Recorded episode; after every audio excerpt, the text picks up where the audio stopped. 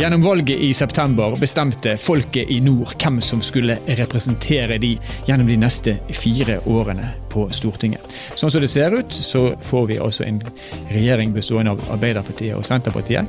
Nå skal vi se litt på hva betydning kommer en sånn regjering til å få for Nord-Norge. Dette er Nord-Norge i verden. Mitt navn er Stein Vidar Loftaas.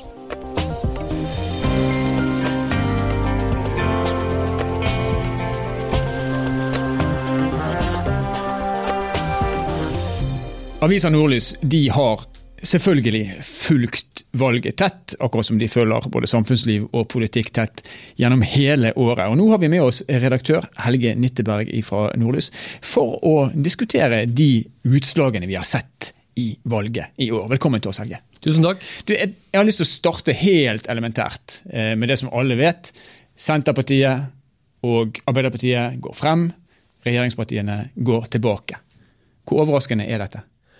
For å korrigere litt først, Arbeiderpartiet nasjonalt går jo faktisk litt tilbake fra forrige valg. Mister riktignok bare ett mandat kontra stortingsvalget i 2017. Senterpartiet tar jo et jafs og tar det største klyvet oppover. Eh, det er jo en tendens vi har sett eh, som starta før forrige stortingsvalg.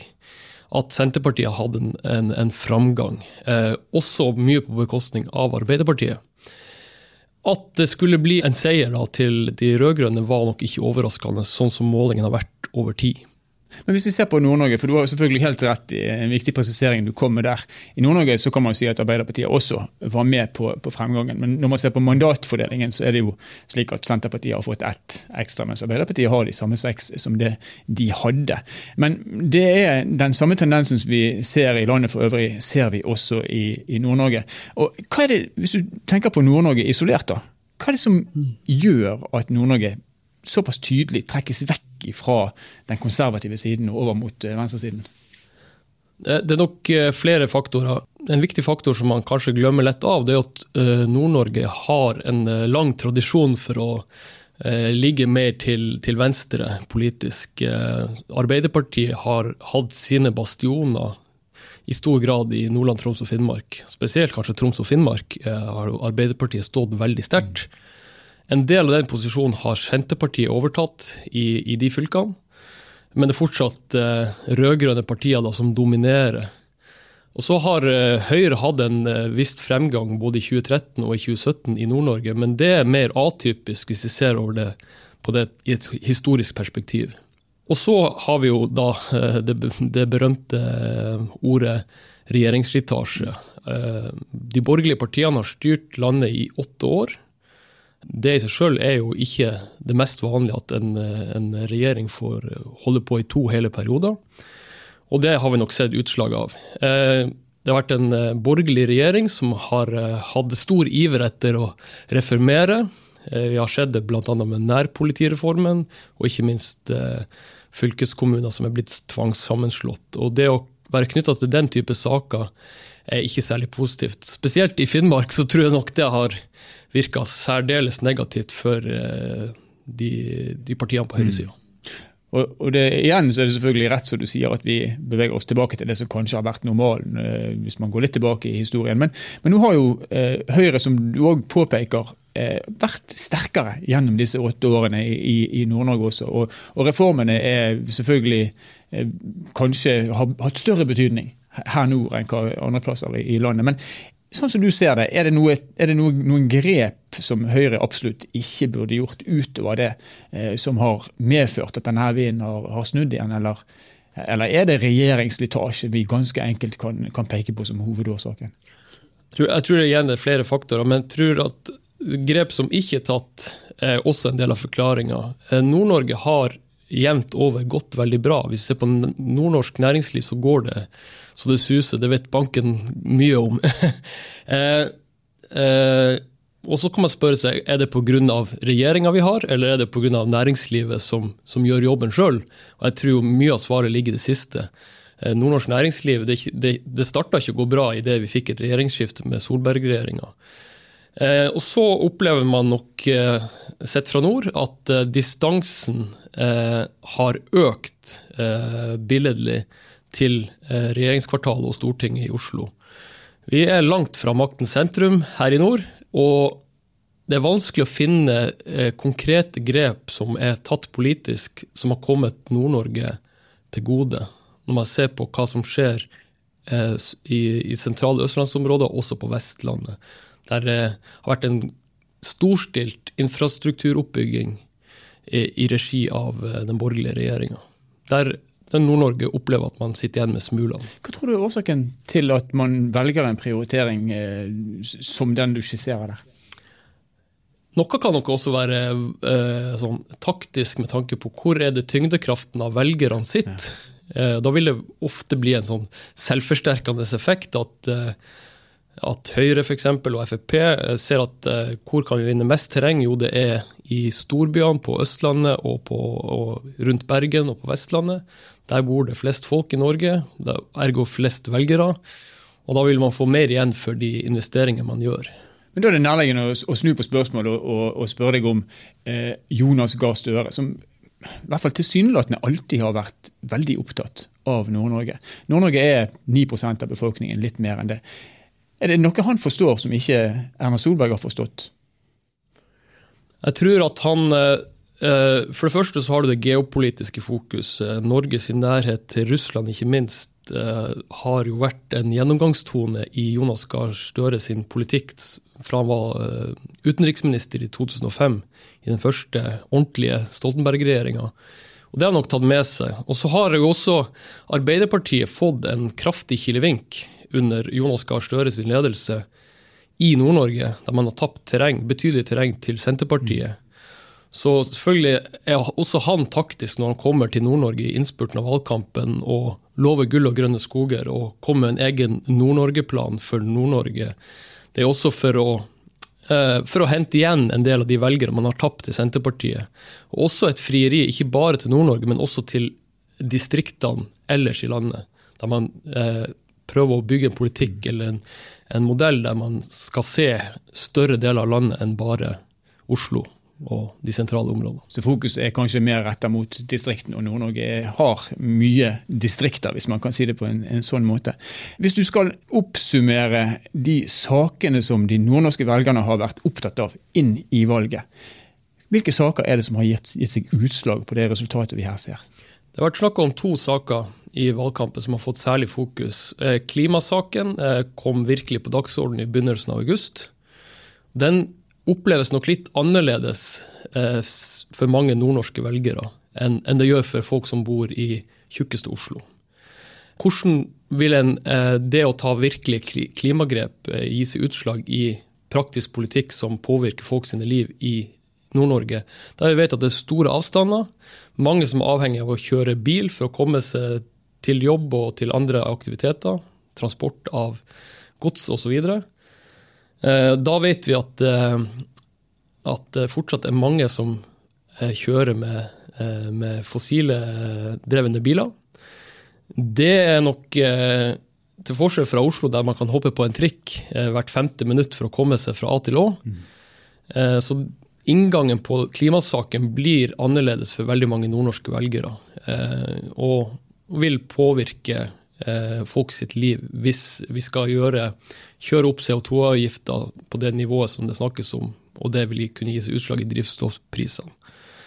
Eh, den andre store saken som har påvirka valget, og som har flytta velgere til Senterpartiet spesielt, er jo distrikts, altså sentrum-periferidimensjonen.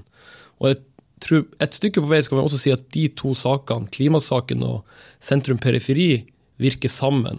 Derfor får du helt andre utslag eh, hos de nordnorske velgerne enn du gjør i tjukkeste Oslo. Hvis du tar bort velgerne i Tromsø og ser på Troms valgdistrikt ved dette valget, så var det altså flere som stemte på Demokratene i Distrikts-Troms, med Harstad og Finnsnes og you name it, enn det var eh, velgere som stemte på Miljøpartiet De Grønne. Mm. Som gjorde et veldig sterkt valg i Oslo-området, mm. men som rundt omkring i landet gjorde et ganske svakt valg. Hvis vi ser på andre, andre sentrale saker, eh, f.eks. du har så vidt vært inne på det, reformene. Politireformen, regionreformen, eh, som nå da etter alle solemerker skal snus. Hva, hvor gjennomførbart er det å på en måte rykke tilbake til start på, på så store og kostbare prosesser som det her er snakk om? Man har kommet til et sånt, nærmest et point of no return. Eh, det er damn if you do, damn if you don't. det vil jo koste eh, mye mer enn det smaker å reversere det her. Eh, men så har vi altså de tre partiene som, eh, som, har flertallet i Troms og Finnmark fylkeskommune, har jo alle gått til valg på at de skal reversere det. Mm. Så det var jo kjent allerede da, da velgerne gikk, gikk til stemmeurnen for to år siden. Og jeg tror det blir vanskelig for eh, spesielt Trygve Slagsvold Vedum å akseptere at han ikke får, får de her reverseringsprosessene både i Troms og Finnmark, men også Oslo og Viken og osv. Så, mm. eh, så, så den tar jeg nesten for gitt at vil komme. Og så er jo eh, det store spørsmålet hva vil skje da? For det vil koste mye. Eh, både det å reversere i seg sjøl, men ikke minst så sitter vi da igjen med f.eks. Finnmark fylkeskommune, som er lutfattig, og det vil veldig raskt gå utover tjenestetilbudet til folk som bor i Finnmark, både på infrastruktur og videregående skole osv. Det blir en betydelig utfordring, og Støre og hans regjering må bla opp for å kompensere for, for uh, dumskapen med å, å, slå sammen, tvangssammenslå disse fylkene. Mm. Men det blir gjennomført, det har du tro på? har tro på det. Ja. Og så Spørsmålet blir jo hvor mye penger vil, eh, vil den nye regjeringa eh, legge til for å gjøre at de her eh, prosessene ikke får for tunge utslag for folk som bor i de fylkeskommunene og mm. skal, skal kunne ta i bruk et tjenestetilbud på samferdsel og infrastruktur osv. En annen mye omtalt sak, Nord-Norgesbanen. Hvor kommer den til å ta retning nå under fire år med rød-grønt styre? Ja, de partiene som trolig vil danne regjering, har jo gått veldig langt i å forplikte seg til at det her skal skje. Mm. Og så vet vi at det her er seige prosesser. Så hva som eh, vil skje i løpet av den neste fireårsperioden, er, blir interessant å følge med på. Jeg tror det, de har skapt store forventninger til at man skal se noen virkelig gjennomslag og gjennombrudd for Nord-Norgebanen i løpet av den kommende perioden. Og Hvis det ikke skjer, så må man vel kunne si at, at de som har gått til valg på å få realisert Nord-Norge-banen, ikke har gjort jobben sin. Og Kanskje kan man også da si at hvis ikke det leveres på å snu reformene, hvis ikke det leveres på Nord-Norgesbanen, så har man ikke holdt valgløftene sine i stort. Ja, det er, det er en eh, regjering som har, eh, som har dratt på seg veldig mye kostnader og eh, dyre løfter som skal innfris. og en del av det må vi se ganske raskt, at man kommer med tiltak allerede i den høstens stortingsproposisjon uh, og revidert nasjonalbudsjett.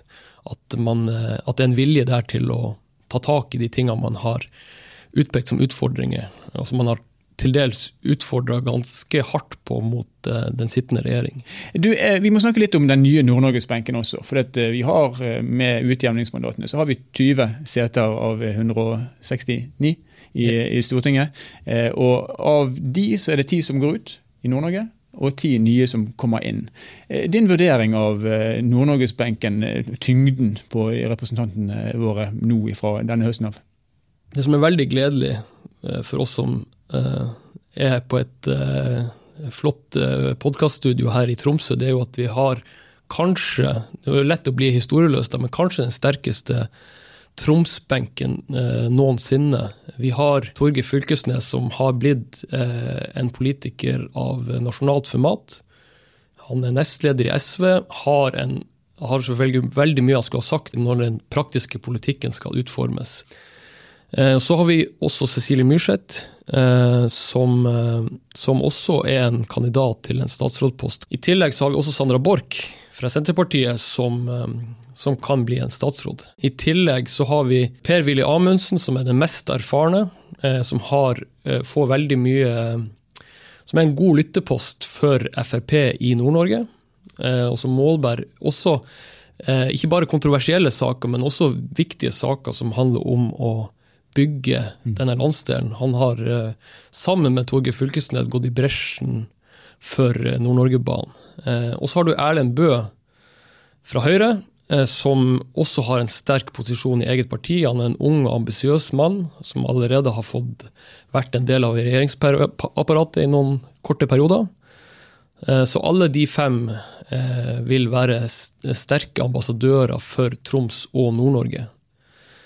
Når det gjelder Finnmark, så er det en, en kanskje litt mer anonym eh, benk. Frank Bakke-Jensen går jo ut nå. Han har jo vært statsråd, som kjent, eh, og forsvinner ut av Stortinget nå. Eh, han har jo vært en markant eh, politiker for Nord-Norge og for Finnmark gjennom tre perioder nå. I tillegg så har du en pasientfokus da, som jeg tror vil spille en, en veldig liten rolle i, i, det nye Stortinget, gitt at de er på en måte et ensaksparti og et veldig smalt parti. Og ikke på vippen på noen som helst måte. og ikke på vippen, så de har ikke noen innflytelse eller makt. Eh, og så har du da Arbeiderpartiet som har et friskt pust i ordføreren i Hammerfest, Marianne Sivertsen Næss. Eh, hun er det flere som peker på som en mulig statsråd. Hvis det er noen fra Finnmark, så er det kanskje hun. Mm. Eh, Nordland har spesielt Eh, to som utmerker seg, og det er jo da Bjørnar Skjæran, som, som, er nestleder i Arbeiderpartiet, og som ligger veldig godt an til å få en statsrådspost. Eh, kanskje blir det olje og energi eller kommunal. Eh, eller næring. Hvis han ikke blir parlamentarisk leder, men det ligger nok best, mest an til at han blir statsråd. Og så har du et friskt pust med Bård Ludvig Thorheim fra Høyre, som, som nok vil eh, kjempe godt i opposisjon for, eh, for Nordland og Nord-Norge, og interessene på borgerlig side. Så Her peker du på viktigheten av kontinuitet med de sterke eh, navnene som du har nevnt som har vært der da, gjennom fire år. Så er det av de nye så er det helt åpenbart da også tydelige stemmer som kommer fra Nord-Norge. Kan vi si eh, Helge, at Nord-Norgesbenken anno 2021 er sterkere enn den som vi gikk inn i 2017 med? Det vil jeg si. Ja. Eh, vital, eh, en del fornying, men også kontinuitet. Så den, eh, vi har store forventninger til at, ja. at, eh, at, eh, de skal sikre Nord-Norges interesser. Spesielt Tromsbenken. Så nevner du også Bjørnar Skjæran som en potensiell olje- og energiminister. Så vet vi at noen snakker om at kanskje Olje- og energidepartementets dager er over, at man burde ha satsa på et havdepartement. Hvis man blir enig om at man vil gå videre og prøve å danne regjering, så vil det nok være en ganske åpen kamp om mange av de her departementene. Eh, og kanskje vil vi se noen nye typer departementer. Det som i hvert fall er sikkert, det er at fiskeri og sjømat og ressursene i havet eh, burde løftes opp eh, og ut av som et, som et minidepartement i Næringsdepartementet. Det burde være et eget departement som forvalter de ressursene som, og de rikdommene som vi har i havet. For det er selvfølgelig et særdeles viktig område både for Norge og for eh, Nord-Norge. Helge, helt til slutt. Vi hadde Jonas Stein som gjest her før valget. Vi snakka om hvordan vi trodde det kom til å, det, til å ende. Han fikk forbausende rett på, på sine spådommer for øvrig. Eh, men han snakker da om at de ideologiske forskjellene mellom høyre- og venstresiden i norsk politikk gir seg egentlig forbausende lite utslag i praktisk styring. Tror du, når vi kommer fram til 2025 og skal snu oss og se tilbake på de fire årene, at eh, den konklusjonen kommer til å være gyldig? De som tror på at det blir revolusjon og, og veldig store omveltninger med en ny regjering, de tar feil. Hvis vi ser på de to store styringspartiene, Arbeiderpartiet og Høyre, så, som legger mye av premissene for, uh, for, politikken, enten det er det ene eller det andre partiet som styrer, så, så ser vi at uh, Arbeiderpartiet og Høyre er, er, ganske nær hverandre i veldig mange viktige saker. Så er det en del symbolsaker og en del på skattpolitikk spesielt, som, der de partiene skiller, skiller vei. Eh, og så har du eh, også Senterpartiet, da, eh, som vil også trekke denne nye regjeringa mer mot høyre enn den forrige rød-grønne regjeringa eh, gjorde med, med Stoltenberg og, og, Senterpartiet og SV som mye mindre partier på det, på det tidspunktet. Um, og så, så, jeg forventer ingen store revolusjoner, men jeg forventer nok at det blir en tydeligere profil på hvordan man skal utvikle hele landet. Der har man lagt hodet tungt på blokka, både Arbeiderpartiet og Senterpartiet. Og det må vi se eh, manifestere seg i konkret politikk som kommer også Nord-Norge til gode gjennom eh, den kommende fireårsperioden. Hvis ikke så blir det fort en, eh, en kort reise for Støre sitt regjeringsprosjekt. Da kan det hende regjeringsslitasjen inntreffer allerede etter fire år. Tusen takk for at du kunne være med oss, Helge Nitteberg, ansvarlig redaktør i avisa Nordlys. Vi går altså inn i en ny fireårsperiode med en eh, regjering som har sitt utspring fra venstresiden av midtstreken, kan man kanskje si. Eh, så hører vi Helge si at eh, det er ikke nødvendigvis slik at det er spesielle saker som gjør at man har valgt annerledes enn det man gjorde i de to foregående valgene. Det kan være bare generell regjeringsslitasje. Og Helgeland sier også at den praktiske politikken som, som vil bli ført, den altså, det, det, kommer ikke til å bli revolusjon. og Det er jo noe utrolig fint med det. I Norge så legger vi en plan, og så er det partiene som styrer som, som bestemmer retningen mot de målene som er satt i sin periode. Men man gjør ikke så veldig mye med selve målene. Noen små unntak finnes det selvfølgelig.